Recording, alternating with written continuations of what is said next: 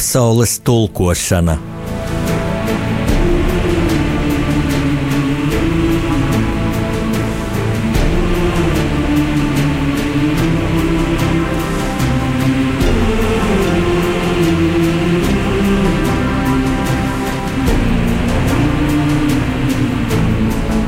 Studijā rakstnieks Jānis Udris.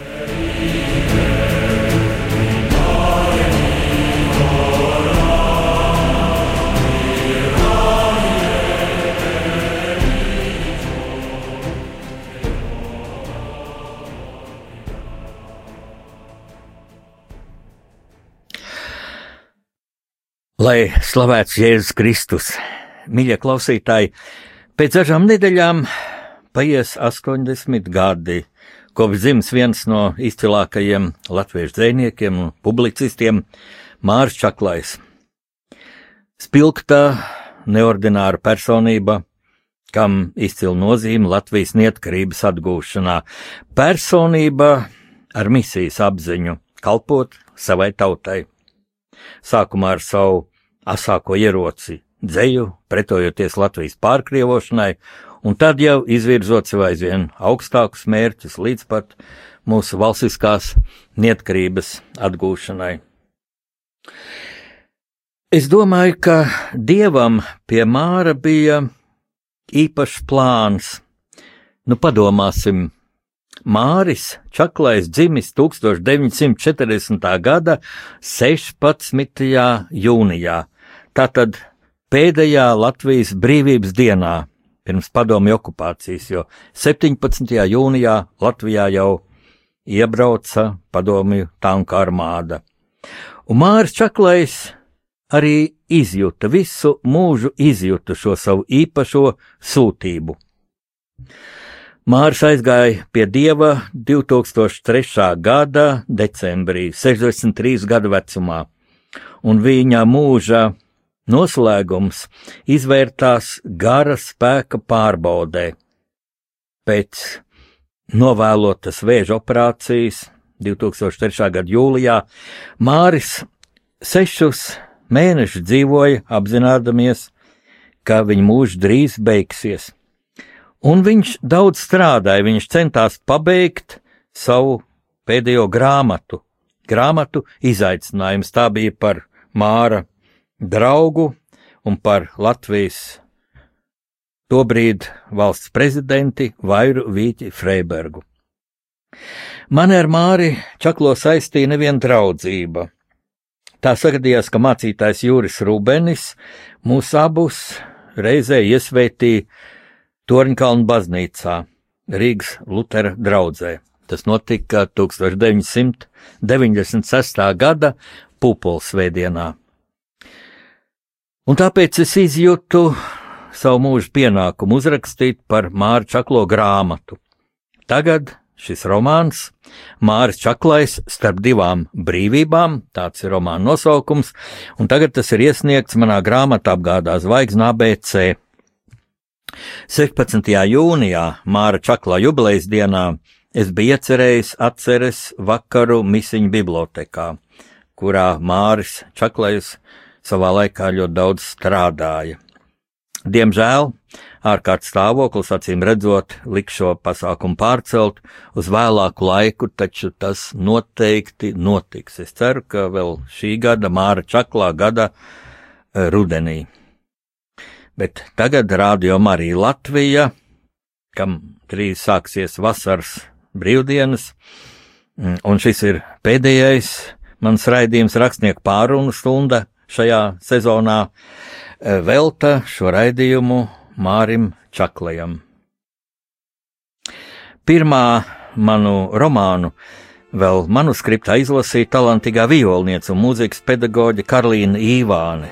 Viņa ir mūsu atmodas līdera Daņa Ivāna Meita, un viņa ļoti iedvesmoja Raimonda Paula dziesma Tautas acis ar Māra Čaklā vārdiem.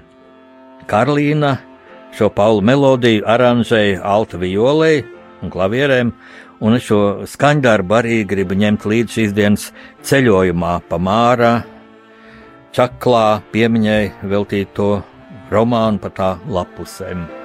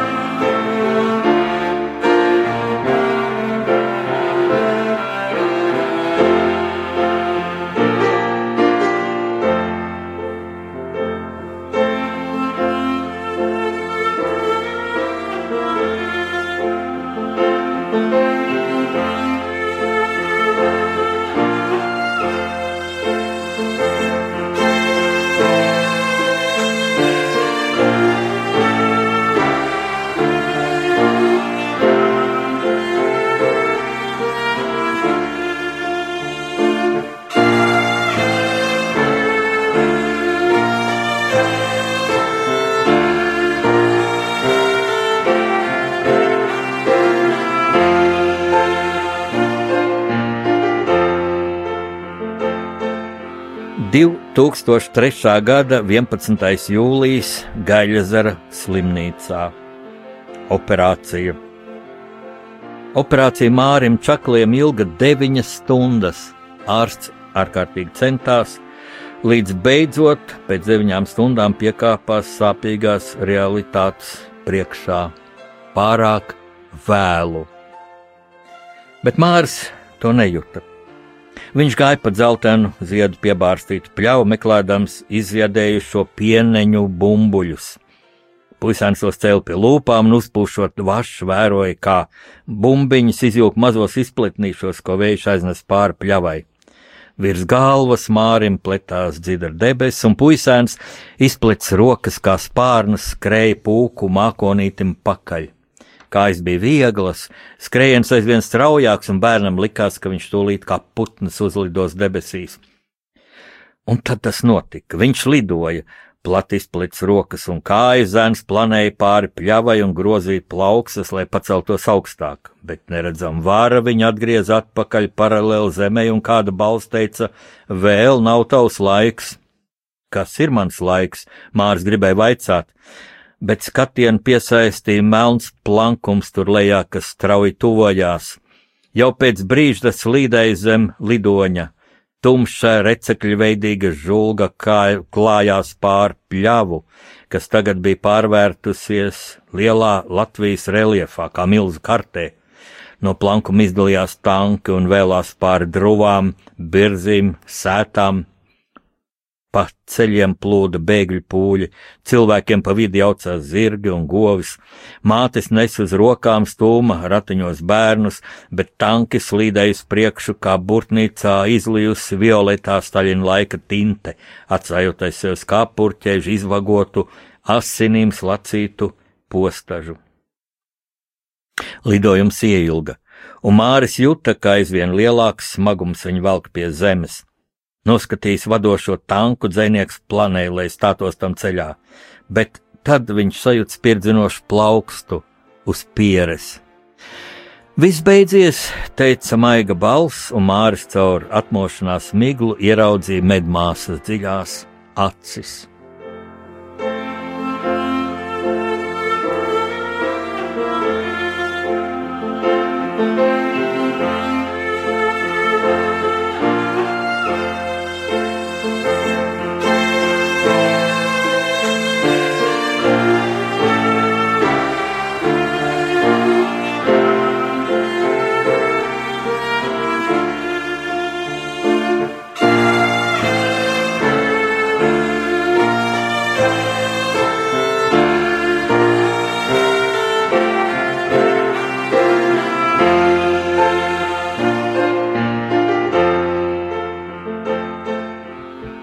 Māris Allaš bija mulsis, kad puikas pirms kārtējās karaspēles dalījās mūsejos un fričos.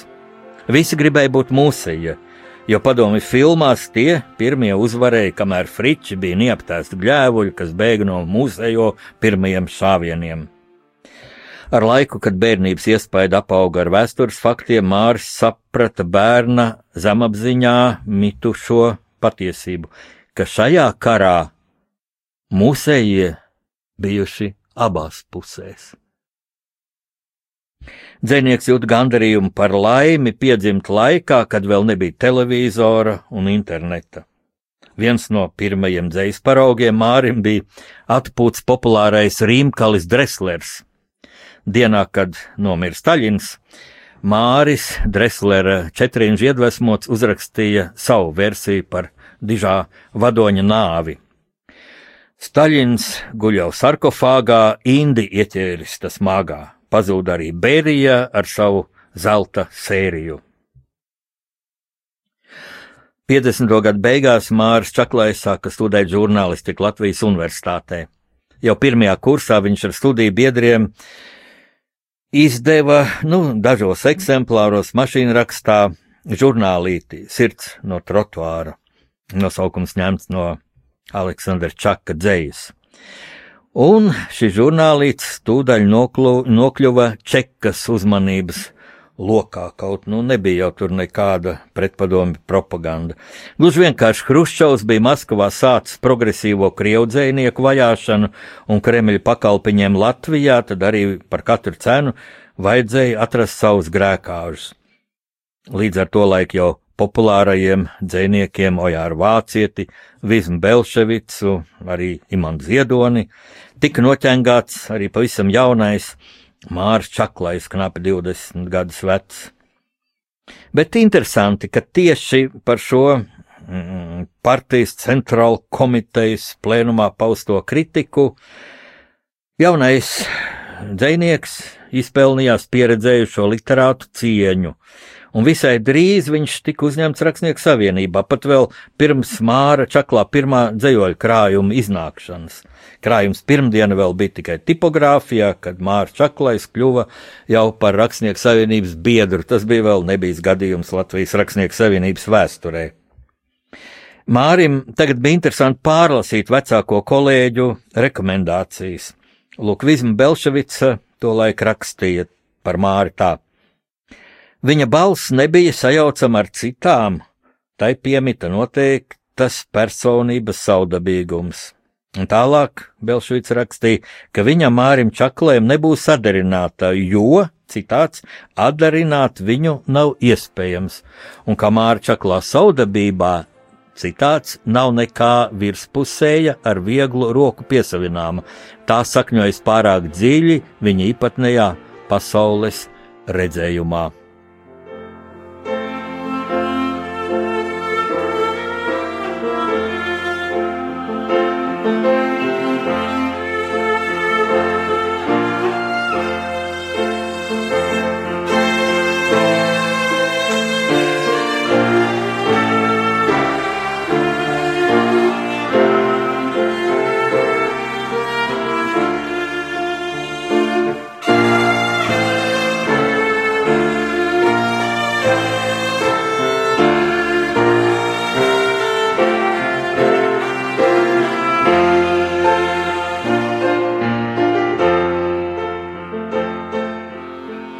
60. gadu beigās, kad Māris jau bija beidzis augstskolu, sācinājās demokrātisko spēku pretestība komunistu režīmam Čehoslovākijā. Sākās Prāgas pavasaris. Un šim procesam atsaucas arī Latvijas inteligence. Bet padomju režīms 68. gadā Čehoslovākijas demokrāta centienus apspieda ar tankiem.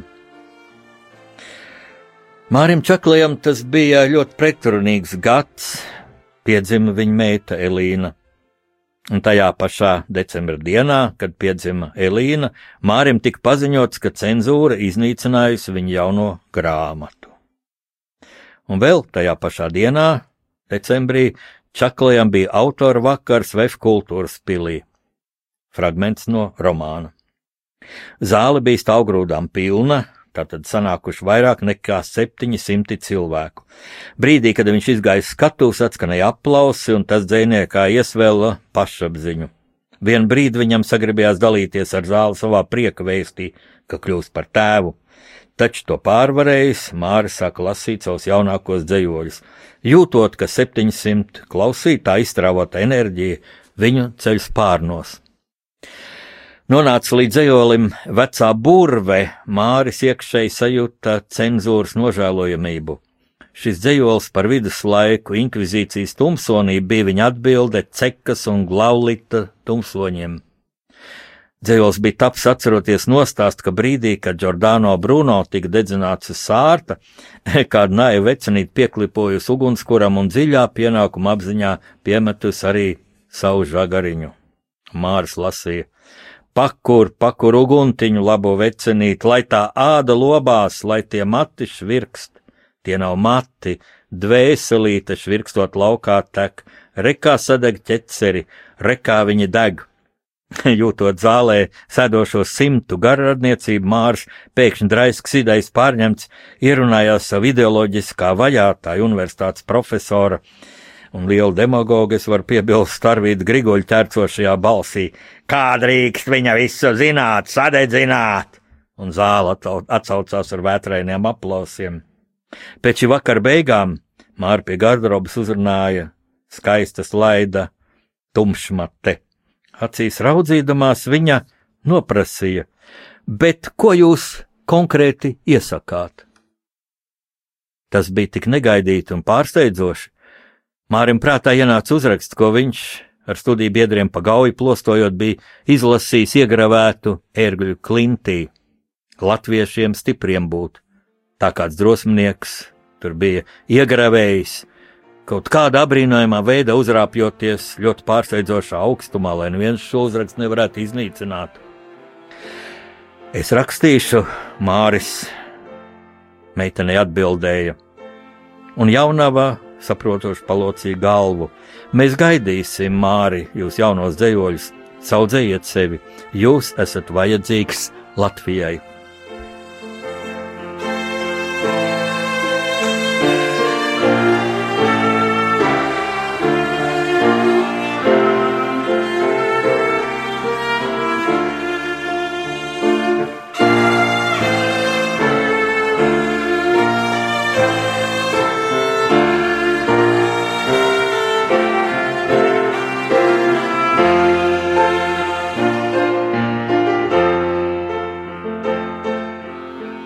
Septiņdesmitie gadi Mārim Čaklajam izvērtās smagi. Autoavārijā gāja bojā viņa sieva, skaistā, talantīgā Nacionālā teātra aktrise Valda Freimūte, Elīnas un Ingmāra mamma. Taču misijas apziņa viņam neļāva atslābt arī smagu pārbaudījumu brīžos, tāpēc aizvien jauni zejoļi, iznāca aizvien jaunas grāmatas, tautā dzīvoja aizvien jaunas dziesmas ar Māra Čaklā vārdiem Man vismīļākā ir Raimonda Paula komponētā dziesma Tautas acis, ko dzied Andrejs Lichtenbergs. Lichtenbergs, mans paudzes, mīlulis, leģenda, un arī viens no padomju režīmu upuriem, kuru 70. gadu beigās nogalināja okupantu psiholoģiskais terors. La!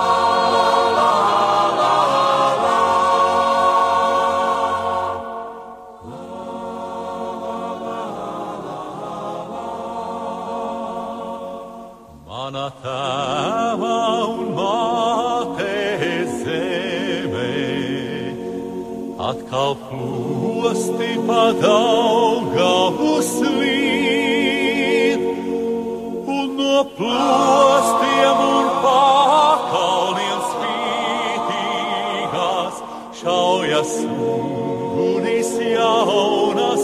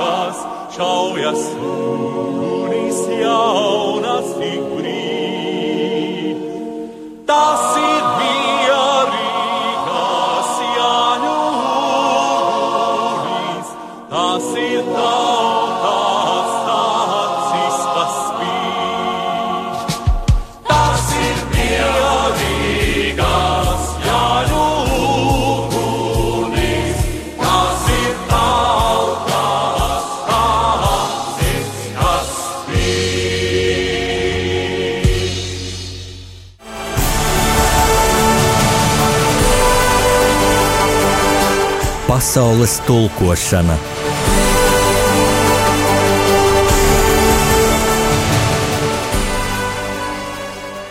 Skan Radio Marija Latvija, raidījums rakstnieku pārunu stunda.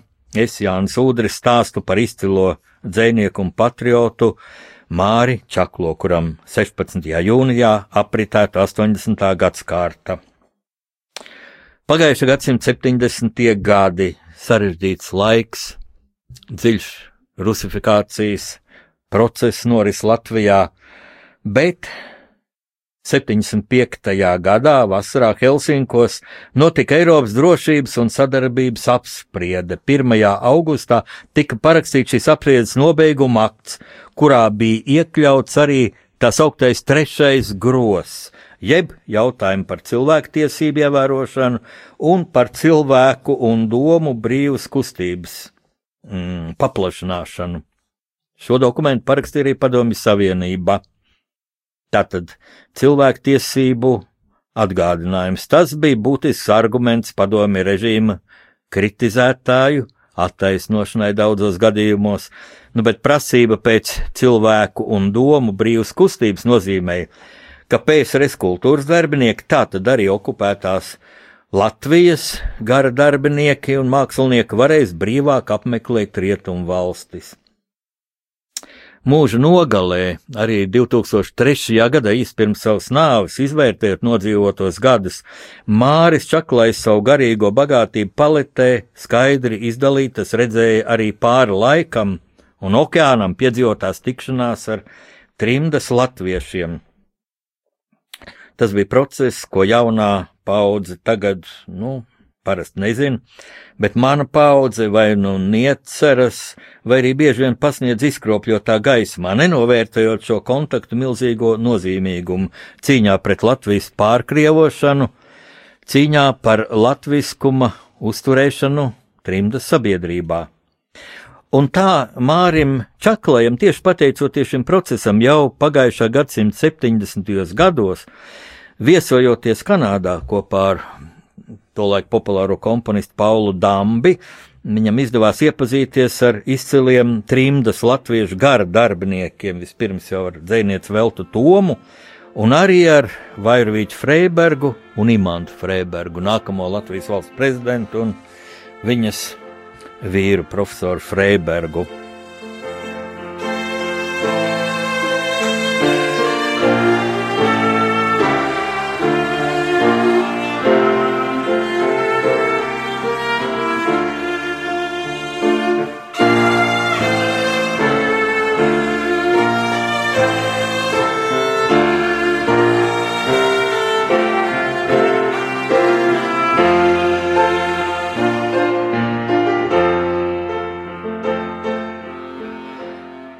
1983. gada novembrī, vien dažas nedēļas pēc savas 50 gadu jubilejas, mūžībā aizgāja Māra Čaklā dzējas elks un draugs Ojārs Vācietis, un tappa Māra ģeniālais dzējols drauga piemiņai. Nebija pagūsi gaismas sarecēt, laikam tāpēc nepaspējām saredzēt. Vai tiešām viņš? Tas viņš, kas aizgāja. Nē, tur pārvietojās daži zvaigznājumi.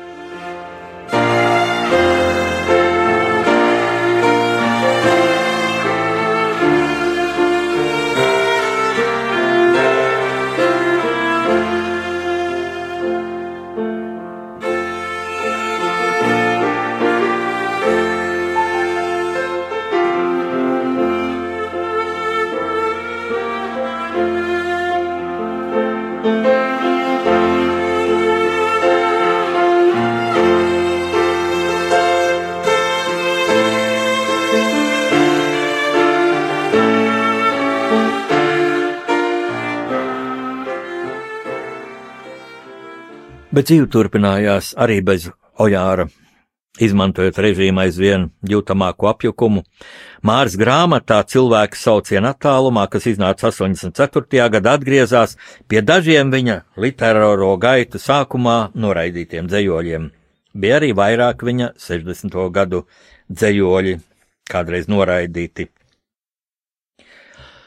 Mūsu zvaigzne debesīs un mūsu kristaps pār ūdeņiem, lai notiek jūsu prāts. Rīga grib dzīvot un nebūt ne mazāk kā citi. Dodi mums mūsu dienišķo drosmi šodien un piedod mums mūsu nevarību, kas nedrīkst vairs atkārtoties. 80. gadu vidū Maskavā bija dzimusi vēl viena sātaniska ideja par vēl vienas spēkstacijas celšanas Daugavas, Daugavpils hidroelektrostacija. Bija apludināts taburaks, bija iznīcināta Daugavas senlai desmitiem kilometru garumā. Tagad šie nedēļi gribēja pārvērst visu Daugavu stāvošā ūdens rezervārā. 986. gada 17. oktobrī literatūrā un mākslā parādījās Daņa Ivāna un Artūra Snipa raksts par Daugavpils Hes projekta absurdumu. Un laikrakstas lejās izraisījās diskusija, kas pārauga varanā Daugavas aizstāvēšanas kustībā. Bet Māris Čaklais nākamajā 87. gadā pavasarī kļuva par literatūras un mākslas galveno redaktoru un ļoti sekmēja šo diskusiju. Drīz pēc tam, jūnijā, 14. jūnijā, pie brīvības pieminekļa notika pirmā atklātā tautas pretestības izpausme okupācijas režīmam. 14. jūnijā grupas Helsinki 86 patrioti devās gājienā pie brīvības pieminekļa un nolika ziedus, līdz ar plakātu Staļinismu upuru piemiņai. Komunistiskais režīms izrādījās negatavs šādam pavērsienam, presē parādījās kompartijas inspirēti, histēriski raksti par buržāziskās preses ietekmi un tam līdzīgi demagoģiju. Bet tuvojās 23. augusts, Molotov-Ribbentropa pakta parakstīšanas gada diena. Mārim, literatūras mākslas galvenajam redaktoram, tagad bija jādomā, kā izmantojot PSRS līdera Gorbačova pasludināto atklātības kursu un Latvijas funkcionāru apjukumu, dot padomi režīmam iespējams spēcīgu triecienu, vienlaikus neapdraudot avīzes turpmāko pastāvēšanu. Nokaitētajā gaisotnē Mārs aizvien dziļāk sajūta savu misijas apziņu, bet viņš arī saprata ar savu aso prātu, ka tagad nu ir jānoiet kā pa naža asmeni. Mārs sāk analizēt komunistu propagandas taktiku un šo frazeoloģiju. Pēc 14. jūnija demonstrācijas pie brīvības pieminekļa presē parādījās mm, pašu augstāko komunistiskās propagandas priekšnieku pārmetumu preses izdevumiem, ka tie vāji skaidrojot Latvijas vēsturi, un ka, lūk, 14. jūnijā tur saujiņi cilvēki, kas var gājis nolikt ziedus, godinot buržāsko Latviju, un tātad cilvēkiem tur jāskaidro, kas tad bija īstā Latvijas vēsture. Nu, tad Māris tā padomāja un saskatīja savu nākamo taktiku. Nu, tad viņš arī skaidros Latvijas vēsturi, jo kas tad bija noklusēts šajā vēsturē? Molotov-Ribbentrop pakts, kā padomju okupācijas priekšnoteikums. Nu, bet vispirms viņš skaidros, kas ir brīvības piemineklis. Vienlaikus mudinot cilvēkus iet pie šī pieminekļa 23. augustā. Un Māris nolēma, ka viss literatūras un mākslas 21. augusta numurs būs veltīts brīvības piemineklim. Tad 23. augusts 987. gada iekrita svētdienā, bet literatūra un māksla iznāca piekdienā, tātad 21. augusta numurs. Redakcijas ļaudis čaklā ideju uzņēma ar sajūsmu, tika gādātas labākās fotogrāfijas un raksti, bet Māris pats savā redaktora slēgā rakstīja: Tēvzemei un brīvībai, cik vienkārši un ietilpīgi vārdi, galva reibsti aizdomājas līdz dzīlei, Rīgas centrālajā ielā pieminekļi iecirsti uz mūžīgiem laikiem, ikdienā lasāmi un ikdienā nevazājami, bet šodien literatūra māksla rāda pieminekli saviem lasītājiem kā mākslas darbu, kā izcilu tautas gara izpausmi. Turpinot rakstīt, Mārim bija dīvaina sajūta, it kā vārdus kāds teiktu priekšā pa vertikāli no augšas un atlik vien pierakstīt. Tautai tēvzeme nav un nevar būt pastkarte, skaista atmiņa vai iedomtēls. Tautai tēvzeme ir spēka pielikšanas punkts, un arī visa mūsu zemzeme pilna tēvzemes, un tā liek kapi zināmie un nezināmie, eksistējušie un nolīdzinātie sastaist abus šos tēvzemes un brīvības jēdzienus. Te nepastāv viens bez otra, bet sanāk kopā, krustojas, saplūst un attīstās cilvēkā. Cilvēkā, kurš atvieglot nopūšas, kad murgainā ideja par pieminekļu saspridzināšanu savulaik tomēr neguva virsroku, ka nav jāvairās lūrmaņu un sūdzmaņu noliekot ziedus pie pieminekļa, jo viņš, cilvēks, vienalga uz cehu vai kantoru, skolu vai redakciju, iedams, dodas strādāt tēvzemē un brīvībai.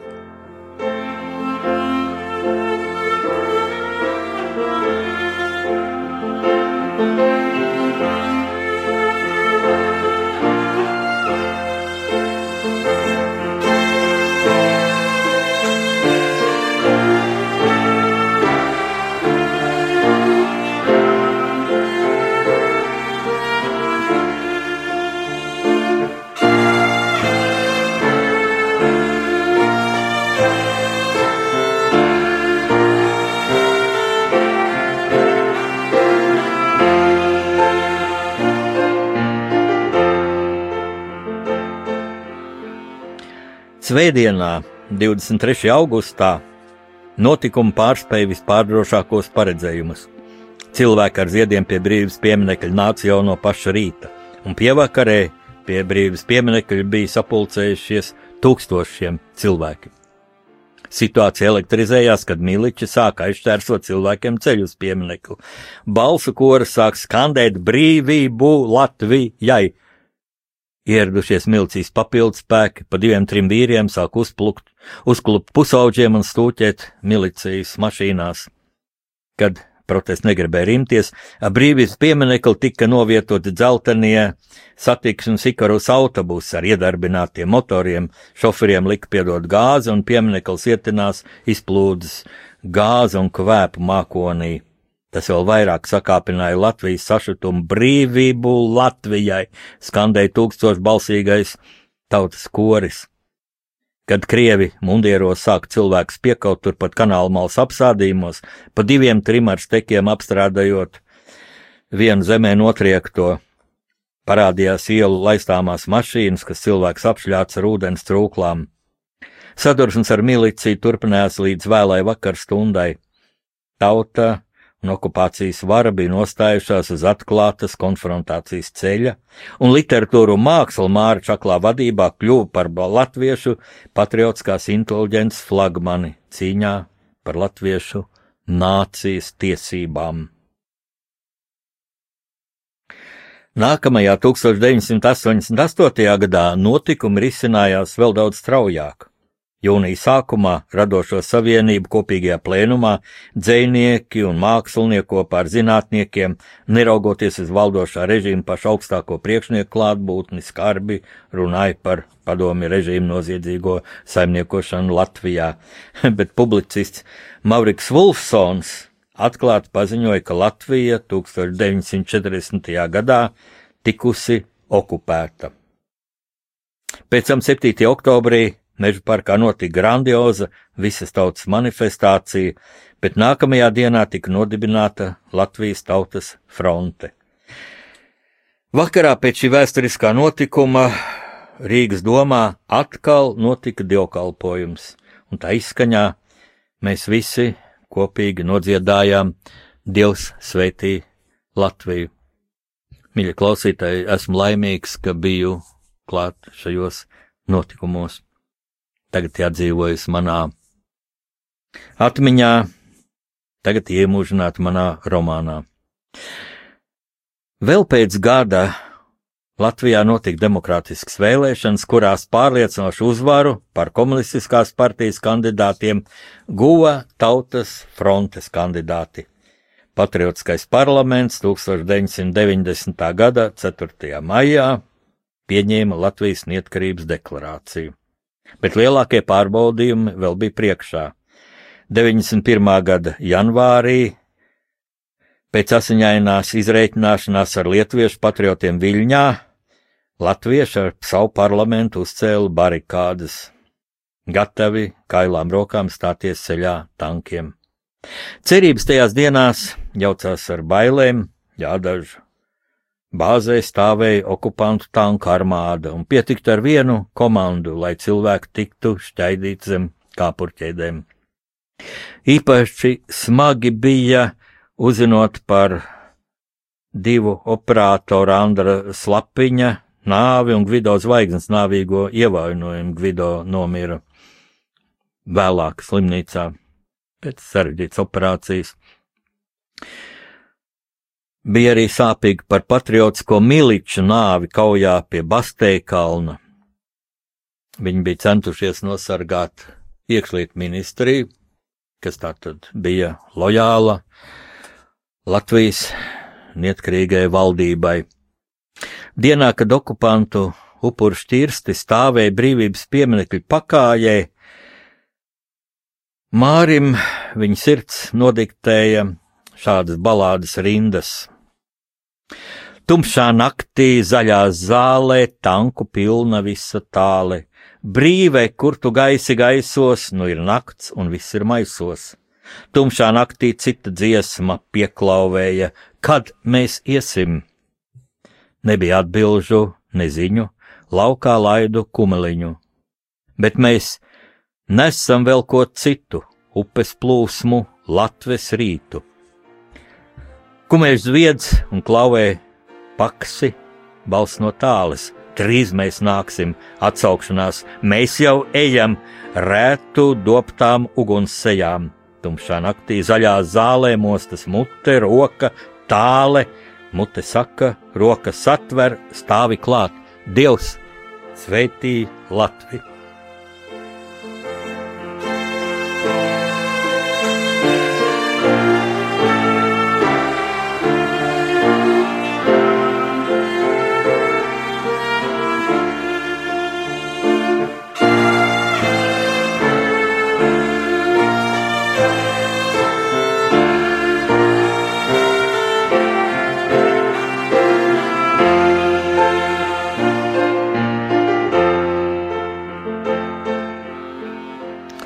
Pēc Latvijas pilnīgas neatkarības atjaunošanas 1991. gada 21. augustā sākās viens no psiholoģiski sarežģītākajiem periodiem mūsu nācijas, nu un arī Māra Čaklā dzīvē.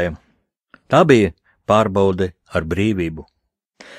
Patriotiskos deputātus parlamentā nomainīja pašlabumu meklētāji, sākās mežonīgais privatizācijas, kā tauta biesaukus, ja privatizācijas oficiālā apzīmējumā procesa, strauji zēla korupcija, iedzīvotāji noslāņojās bagātajos un abagajos. Briesmīgi bija to vērot cilvēkam, kas cīnījies par Latvijas brīvību. Bet kādēļ cīnījās? Aizvien dziļāk māra apziņa iegula doma, ka mēs, latvieši, staigājam pa neaptveramu dārgumu slāni. Cilvēki kā apsviluši varēja skriet pakaļ vēju nestai piecu latu banknotei, bet nepapulējās pacelt dārgumus, kas pieejami tepat līdzās.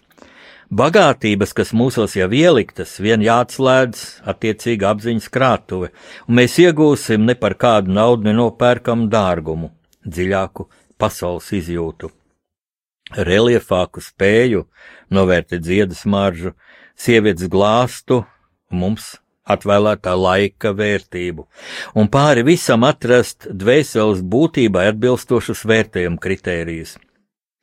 Vajadzēja apstāties ikdienas steigā un atskatīties uz nodzīvoto laiku, atcerēties šajā ceļā sastaptos cilvēkus un atziņas, ko caur viņiem izdevies iegūt padomāt, cik labu vārdu esam palikuši parādā saviem draugiem un cik laba mums devuši ienaidnieki, ar saviem uzbrukumiem, neļaujot atslābināties, neļaujot iemigt, liekot būt pastāvīgā tonusā.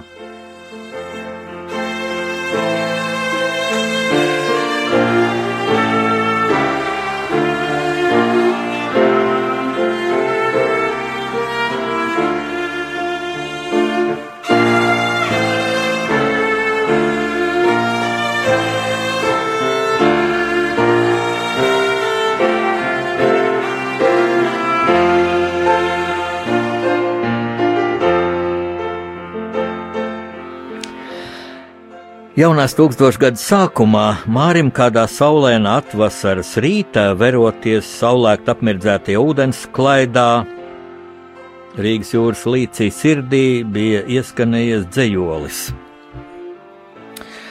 Mūsu zemes uzrautie pleci, debesu un jūras ziluma vidū atliekušies, un skatieties, vecīši, kraukļiem pāri Latvija lido.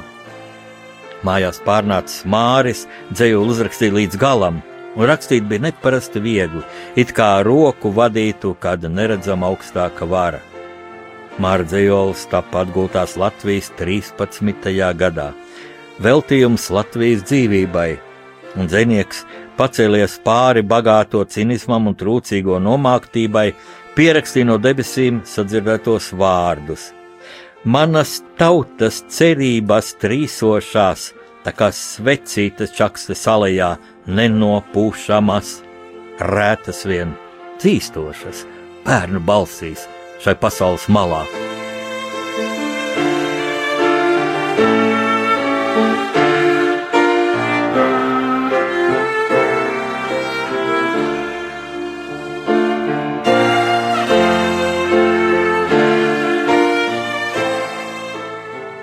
Vienā no savā pēdējā 2003. gada vasaras beidzamajām dienām Māra uzmodināja lietu slāšu grabināšanās uz vasarnīcas jumta.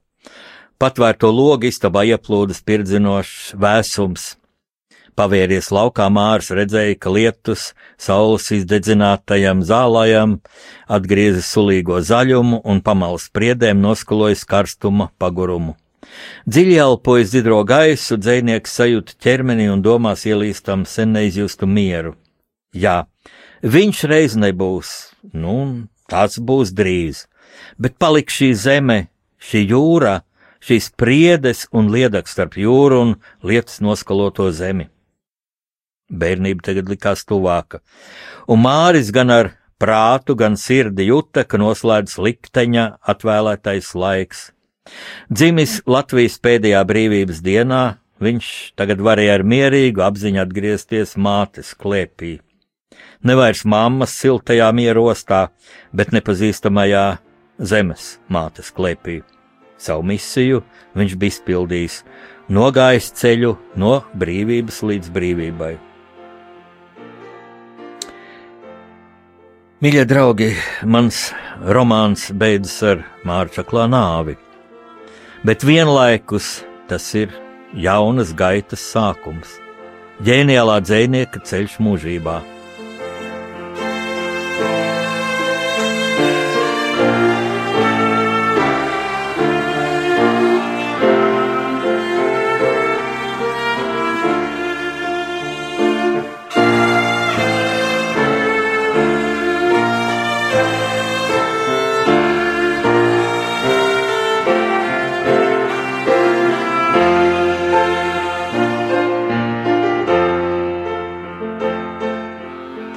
Māra dvēseles atmiņā atkal, kā pirms pusgada operācijas zālē, iznīra gaišmatainais puisēns bērnības pļavā.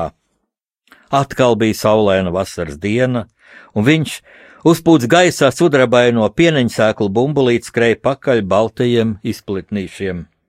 Tad liegais bērnības vējš kļūst stiprāks, Māra dvēsele jūta, ka laiks lidot. Viņš izplet rokas kā spārnus un viegli bez, bez svara un skaņas slīdēja bezgalībā. Dzēnieka gars atkal slīdēja pāri Latvijai un vēroja, kā no debesīm lēni uz zemes slīd baltas pārslas, pārklājot kūrzemes, vidzemes un latgals laukus un pakalnus. Bet vērīgāk ieskatoties, gars redzēja, ka tās ir viņa dzējoļu lapas. Lēni virpuļojot, tās slīdēja uz Latvijas zemi un daudzas krita Daugavā. Samirks, nogrims ieskanējās dvēselē, bet dzējoļi, saskaņo, saskaroties ar likteņu upi, uzliesmoja ugunskuros. Kā mazi plostiņi tie slīdēja Daugavas straumē, garām staburadzēji, augšām atkal celtajai staburadzēji. Manā tēva un mātes zemē atkal plosti pa Daugavas slīd, un no plostiem un pakalniem spītīgas šaujas ugunis jaunas šobrīd. Tās ir mierīgas Jāņu ugunis, tās ir tautas acis, kas spīd. Tas ir mierīgas Jāņu ugunis, tās ir tautas acis, kas spīd, dziedāja Lichtenberga samtainais tenors, un Māra Gars redzēja, ka arī citviet viņa dzējoļi pārvēršas Jāņu ugunskuros. Bet ir taču ziema, zemi klājas sniegs, neizpratnē vaicāja dzēnieka dvēseli, bet augstākā gara gudrība pauda, šeit nav ne ziema, ne vasara, šeit ir mūžība, un tu piederi mūžībai, tu un tavi ceļoļi.